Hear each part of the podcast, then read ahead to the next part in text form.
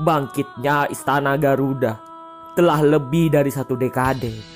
Istana Garuda disegel para durjana, diruntuhkan para sengkuni, dinodai para belis. Kini bersama hadirnya cahaya timur, bangunnya sang pertiwi dari tidur panjangnya, terjaganya kembali sang Garuda, telah membangkitkan kembali istana Garuda. Bangunan tua dan rapuh itu telah bangkit bersama bebatuan candi, terlahir kembali bersama perisainya, bersama tangan-tangan para Garuda kecil.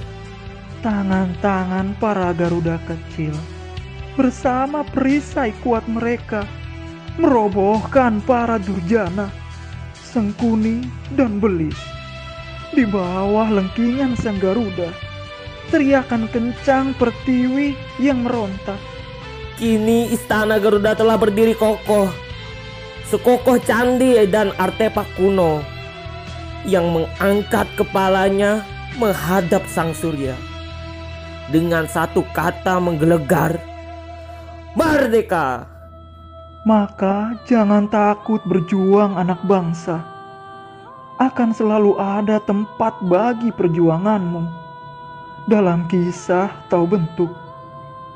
Dan itu adalah di sini, di istana Garuda yang terlahir kembali. Buah karya Stovia Dewi Neptunus 11 Mei 2019 Malang, Jawa Timur